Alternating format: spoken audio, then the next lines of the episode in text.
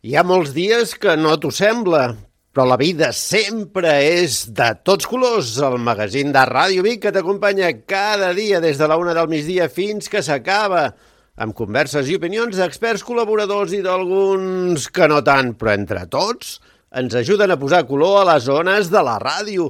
De tots colors, amb bones notícies pintades de color, són les Strip Notícies, el segell de la revista Strip, i és que ja ho sabeu, Tenim la fórmula, la bona gent sempre genera bones notícies i avui, com cada dia, en portem més d'una. De tots colors amb Joan Torró.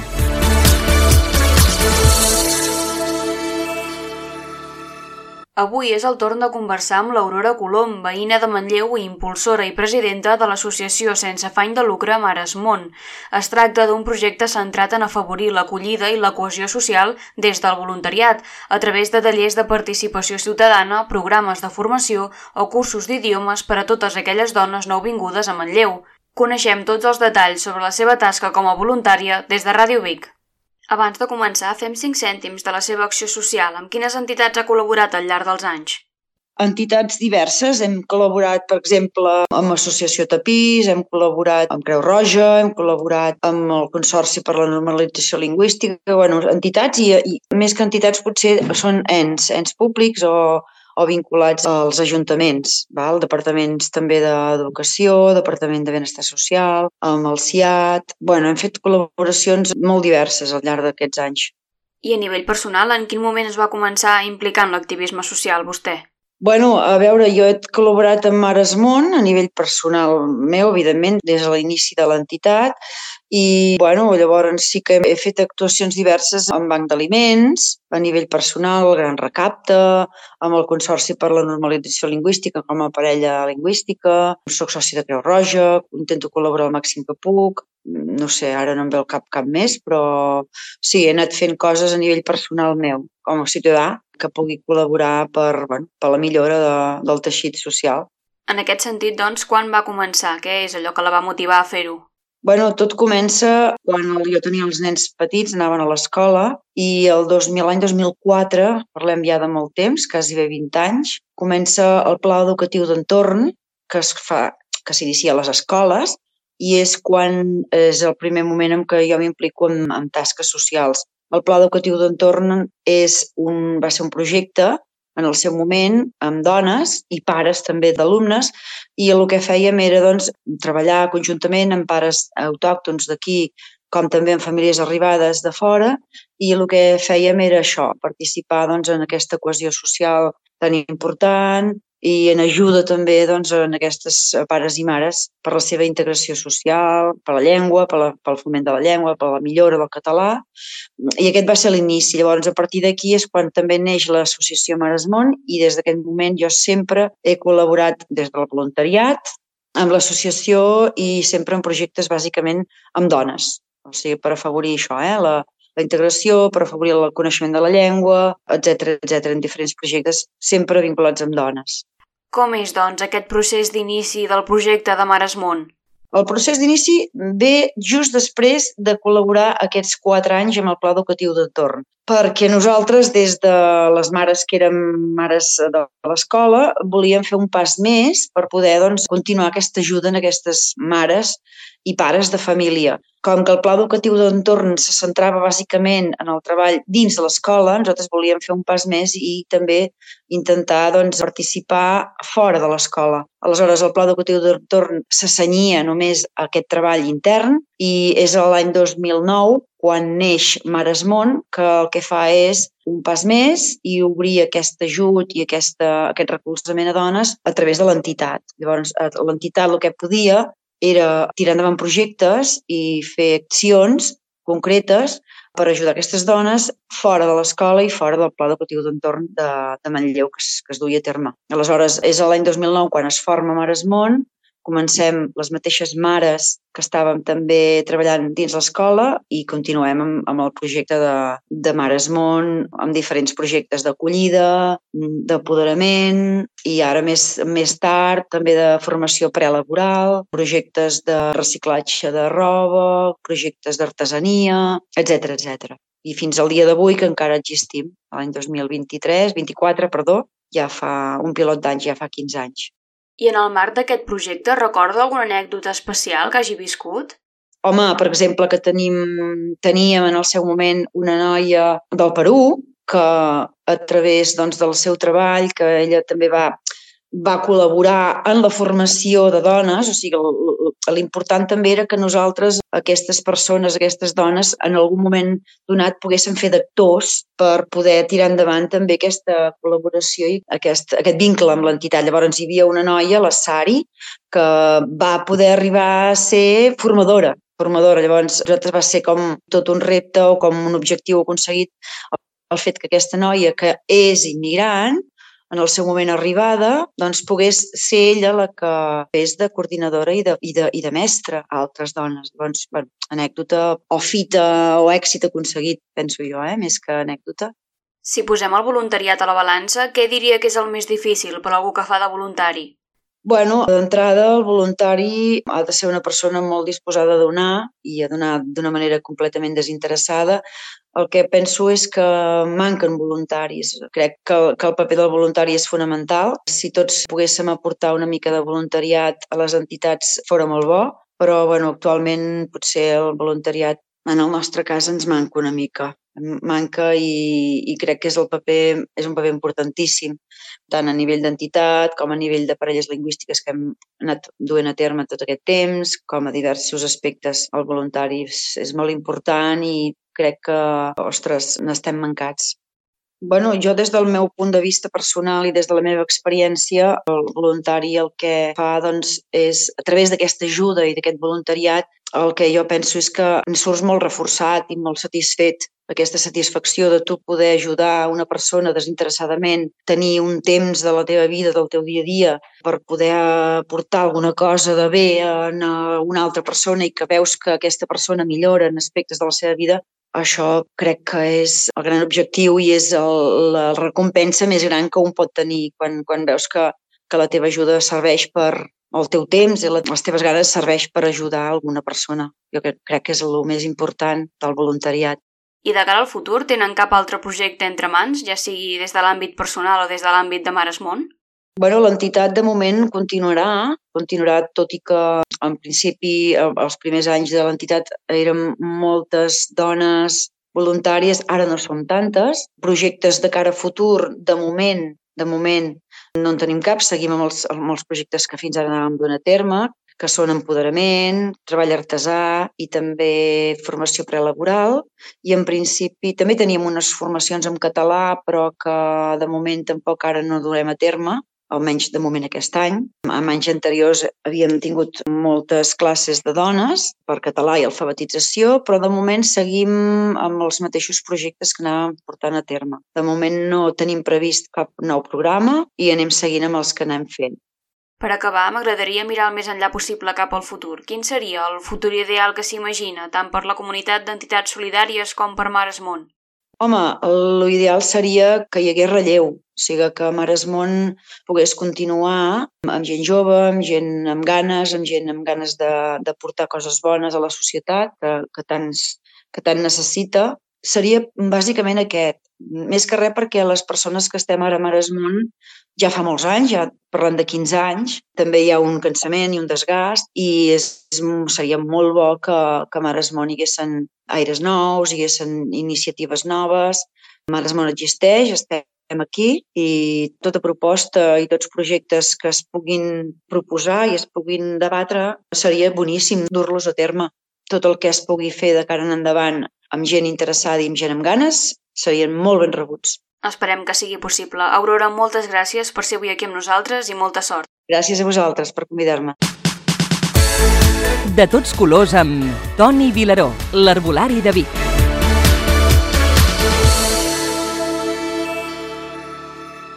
El magazín de tots colors, cada setmana estem amb el bon amic, el Toni Vilaró, l'Arbolari de Vic. Toni, benvingut. Bon, bon dia. Tenim humitat. Oh, res, això. A veure, si comptes amb la boira baixa, doncs tenim cada dia. D'humitat no falta, el que falta és aigua. Quatre gotes mal comptades cauen. Mm. La gent està passejant per Sau i l'altre dia me'n ve de rescatar un que va quedar enfangat i tot. No, és fàcil. Doncs clar, vull dir, és que tot i que puguin haver anat a la universitat perquè viuen a la capital i de més i tal, doncs no saben que el fang s'enganxa. I, I noi, són aquelles coses que, en canvi, amb un, pagès no l'enganxaran. No has trobat mai cap d'enfangat, enganxat. No, no. Segur que no hi tornarà mai més, aquest. Veurem, veurem. Tot plegat, però és molt de la broma per aquestes coses, però molt seriós, no?, amb tot el que és bestiar, sobretot. No, no, a veure, la pagesia, best- bestiar, plantes i persones, evidentment, no? O sigui, és tot un problema que realment veure. Ja es havia plantejat. Jo recordo que un any el meu pare, la feinada que va tenir per poder mantenir un tros d'or allà sota la, el pont de la Carretera de Barcelona, perquè no baixava ni una, ni una gota d'aigua a la riera. Però veure, havien passat força anys que més o menys mantenia un, un règim de pluges. Veure, si les coses han canviat, doncs ens han d'adaptar a les noves situacions. El llastimós de quan arribes a aquests extrems és, per exemple, la manera d'actuar de l'administració. Perquè hi ha gent que ha fet les coses ben fetes, en empreses que malmeten molta menys aigua, que han fet la feina ben feta Sí. i ramaders igual, i ara la, a l'hora de les restriccions els hi demanen el mateix. Amb els que ho han fet bé, els que no han fet res, no? Vol dir que... No, no, és, és veritat que són coses que si fossin bons polítics ja pre preveurien un futur, potser no tan desastrós com el que s'està presentant, però com a mínim ja hi haurien coses que s'haurien anat, si no posant al dia, com a mínim previsions d'una possible sequera, que no és la primera que passa més o menys anys, però ha passat i pot tornar a passar. I ara estem en una situació que veure jo recordo quan era canalla que a l'escala de casa van posar una xeta pública, per dir-ho així, de l'aigua que havien portat de Monellot. Fins aleshores la majoria de, millor dit, la ciutat de Vic s'alimentava dels pous soterranis que, que hi han i encara hi ha les restes d'alguna d'aquestes bombes que es feien servir per pujar, per pujar aigua a la font. Després van portar l'aigua de Monellot, me'n recordo, que és per això perquè van posar una, una xeta pública pels veïns de l'escala. I havies de baixar del pis baix a, a buscar aigua a la, a la xeta que t'estalviava d'anar a buscar amb- aigua en alguna font pública del carrer, que esclar, llavors n'hi havia el carrer Sant Pere, la plaça Catedral, allà davant de l'hospital, en fi, hi havia un grapat de fonts públiques que la gent tenien, sobretot, l'aigua de beure i cuinar, doncs l'anàvem a buscar allà. I per rentar, que llavors aleshores no hi havia pas màquines de rentar. És una mica gran, tu ja, havia- Toni. hi havia- no, vull dir que hi havia alguns llocs, com per exemple a l'edifici que vivíem, que tenien uns safrejos que recollien l'aigua que sobrava, bueno, sobrava, que sobreixia dels dipòsits. I tenies l'aigua per poder rentar la roba.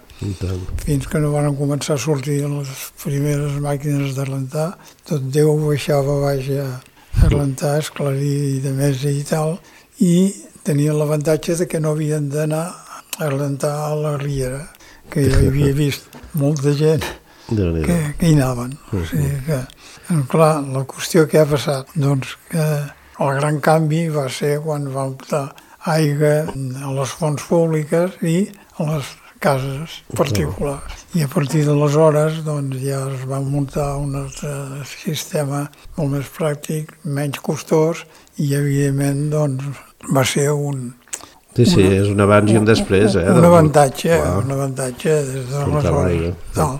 Esclar, jo recordo que a casa tot el que hi havia era un parell de fonts i una, bany... no puc dir banyera, però una espècie de banyera per, per rentar la, la canalla. Mhm. Sí, sí, sí. i poca cosa més. I, i avui dia doncs, no hi ha cap casa que no tingui dues eh, aixetes, la seva banyera o almenys les seves dutxes i tot el que realment ja està bé que hi sigui. I tant. I Però no, no, no, no ho critico pas, però clar, quan les situacions en aquell moment doncs, eren una mica de sequera, la gent amb la mica d'aigua que tenia ja feia. Ara estem acostumats a una quantitat i carai tu, a la que no, no hi ha el suficient aigua ja hi som. Però Sí, sí. bueno, ja ens adaptarem també. Quan explicaves això de les fonts, o dels pous més que de les Sí, fonts, no? sí, sí. Aquesta gent que troba l'aigua sota terra, sí. com ho veus, això? Els sauries. Sí, Ah, molt bé.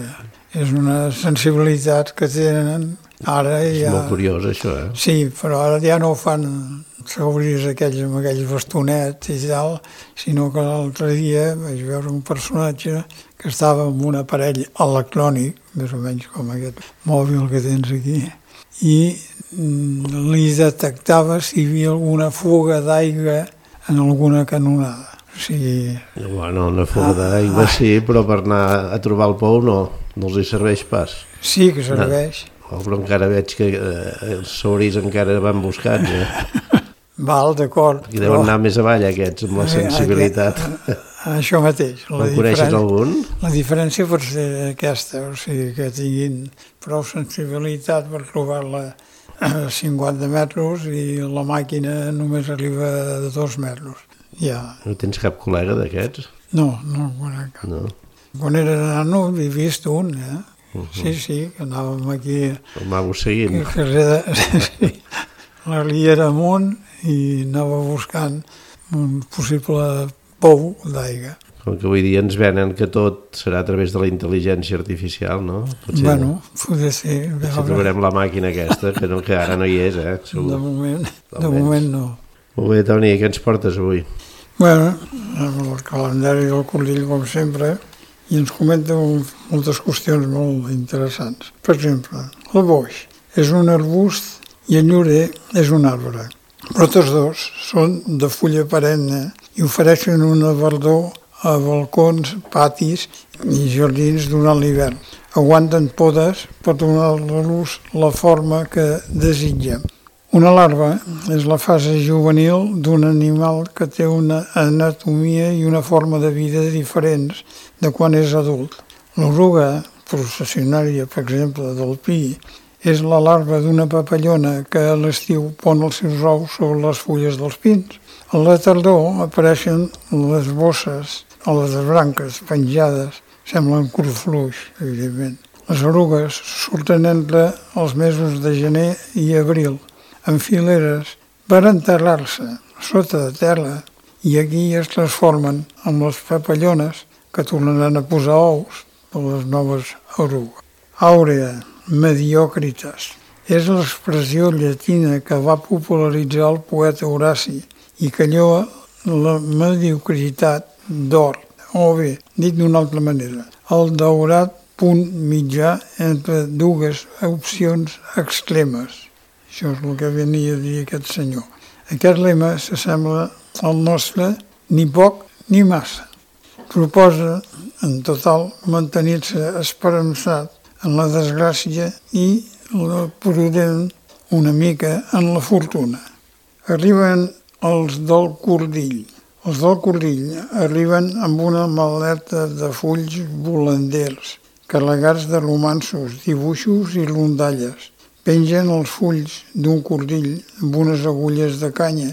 Llavors ens expliquen la història de la noia que guardava els guants de seda dins la closca d'una nou. Al final reparteixen nous entre el públic. Les trenquen i, oh, sorpresa, dins la meva nou hi han trobat uns guants bonics, petits i delicats. Bé, és una, una, bona història. Bé, parlant de plantes medicinals i en aquest cas de les de la Catalunya Nord, ens explica aquí la, la convalària. És el lliri de la Mare de Déu o lliri de maig o conegut potser més encara pel moguet. És una flor actualment fusional amb la celebració del primer de maig, que és el Diada Universal de la Festa del Treball.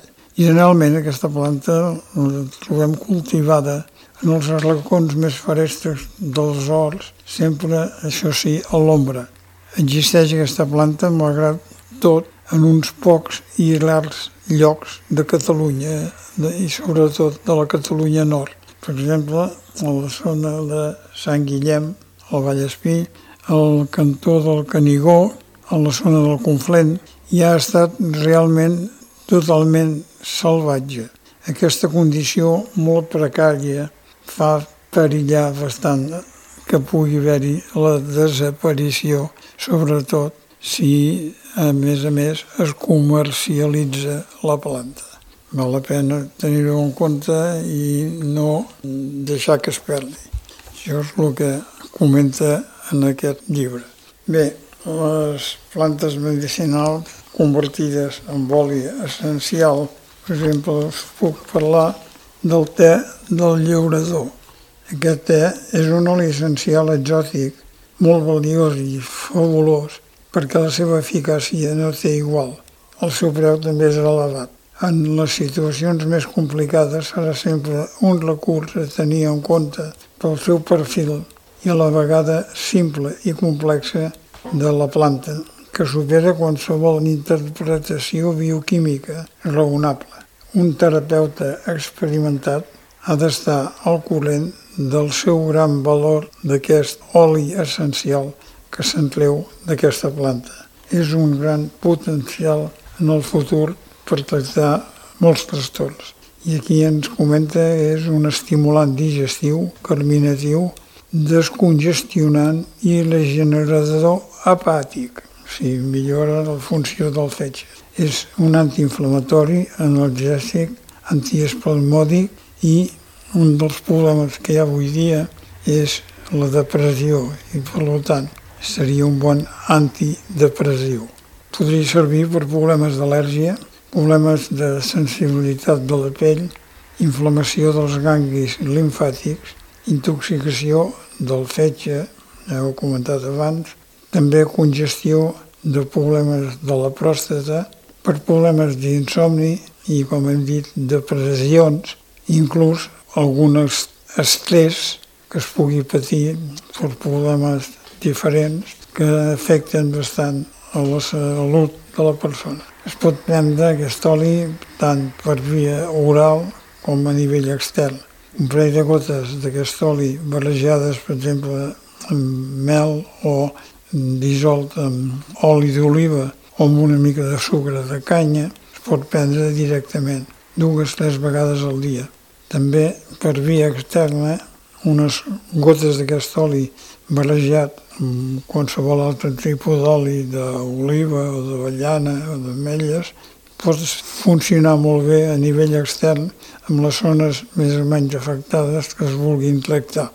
Dos, tres cops al dia unes bones fregues i podem millorar molt els problemes, en aquest cas, de la pell. Bé, anava parlant de la qüestió de la malaltia, com veuen els japonesos, la manera de millorar, de, de tractar. I aquí ens comenta un fet. Diu, escriu una set propietat del Wabi-Sabi. El Wabi-Sabi és una manera que tenen els japonesos de buscar la solució de les malalties. En total, amb un paper i te l'emportes al bosc. En aquest cas, observa el teu entorn i torna a llegir la primera de les propietats que has escrit, el Fukinsei, segons es diu, que es troba amb la bellesa de les coses que no són simètriques, o sigui, que són asimètriques. Veus alguna cosa en el bosc que respon a aquesta forma? Què és? Doncs un exemple, per exemple, tindríem les branques dels arbres que creixen cada una pel seu costat, però tot i així formen un conjunt harmònic i equilibrat. Continuem amb una segona propietat que se'n diu canso no utilitzes tan solament el sentit de la vista, intenta també respirar el que et rodeja, sentir-ho i escoltar-ho. L'aire pur i refrescant del bosc és un clar exemple d'aquesta propietat. Feu el mateix amb el que en diuen coco, assisen i la resta de les propietats que consideren que podem anar veient en el bosc. Troba elements els que es puguin aplicar totes aquestes propietats. Pot ser que les detectis totes amb un arbre, amb un arbust, amb una línia a l'horitzó o en la mateixa molsa que creix sota un tronc o al terra mateix. Potser no sigui exuberants o espectacular aquestes plantes, però simplement, si ens les mirem bé, són molt boniques. Mira un cop d'ull aquests resultats. Segurament hauràs descobert que en el bosc es poden trobar totes les propietats descrites abans en major o menor grau. Aplica aquests exercicis al teu entorn més immediat. Quin resultat trobaràs en el teu poble o en la teva ciutat, com aquestes que expliquem del bosc, molt difícil. És un, un punt de vista bastant interessant per ficar-nos on entrar precisament a la natura. I parlant de, de problemes per millorar la salut, que us explicaria el que se'n diuen les flors de Bach. Aquest senyor, que és anglès, doncs va estudiar unes quantes flors pels seus efectes no solament curar una malaltia, sinó per millorar els problemes mentals, seria. I aquí us parlo de la cerverola, o la agrimònia. Seria una planta molt interessant pel subjecte, als persones, subjectes jovials, alegres, alegres sempre, que afligeixen, afligeixen, s'afligeixen, vaja, o sigui, s'ensorren amb plets i discussions i per evitar-los estan disposats a renunciar a moltes coses per no haver-s'hi d'enfrontar. Encara que generalment tenen problemes i viuen atormentats, inquiets, preocupats, amb cos i ànima, amaguen les seves preocupacions darrere d'un tipus d'humor una mica estrany, amb bromes, que inclús els considerem molt bons amics. Tot sovint veuen a vegades alcohol o drogues i en aquest moment, inclús en excés, els ajuda a suportar les tribulacions d'una forma més jovial, però, per dir-ho així, una mica amagant el problema de fons. En total, les paraules que indiquen aquesta persona seria una certa tortura mental, preocupacions amagades que acostumen a mantenir en secret o intenten que no passis aquí. El tipus aquest de l'agrimònia, o sigui, d'aquesta planta, seria la planta més adequada per millorar aquest personatge alegre i jovial. Aquesta planta seria un bon company i tindria un bon sentit, inclús amb el seu humor de vegades una mica esbogelat. Degut a això, pot ser difícil descobrir a vegades un, remei que necessiten aquestes classes de persones. La manca superficial de despreocupació molt, moltes vegades amaga un estat d'ànim turbulent i atormentat. El tipus aquest que li donen el nom de la planta, agrimoni, és una persona que això sí, estima la pau i que es molesta fàcilment quan hi ha algunes coses de plet o discussió. Molt sovint, abans de carregar a altres amb les seves penes, tracta amb la màxima lleugeresa les seves pròpies dificultats. A vegades pot passar-se la nit molt inquiet amb els seus pensaments que li causen insomni, malestar, intranquil·litat. Durant la malaltia, la persona agrimònia tracta amb lleugeresa el seu malestar i dona l'expressió d'estar alegre i feliç. Tot molt sovint, vaja, eh, inclús fa una mica de guassa amb el que li està passant i inclús sobre els que el cuiden i sembla no tenir només una sola preocupació en tot el món. El nen agrimoni oblida fàcilment les seves preocupacions posa a un costat la seva aflicció i recomença la seva actitud alegre d'un moment a l'altre. Tot sovint aquesta persona busca amistat per escapar-se de les seves preocupacions. També pot recórrer a les drogues o l'alcohol per insensibilitzar la seva tortura mental a què moltes vegades s'hi troba subjecte. Bé, fins a la propera.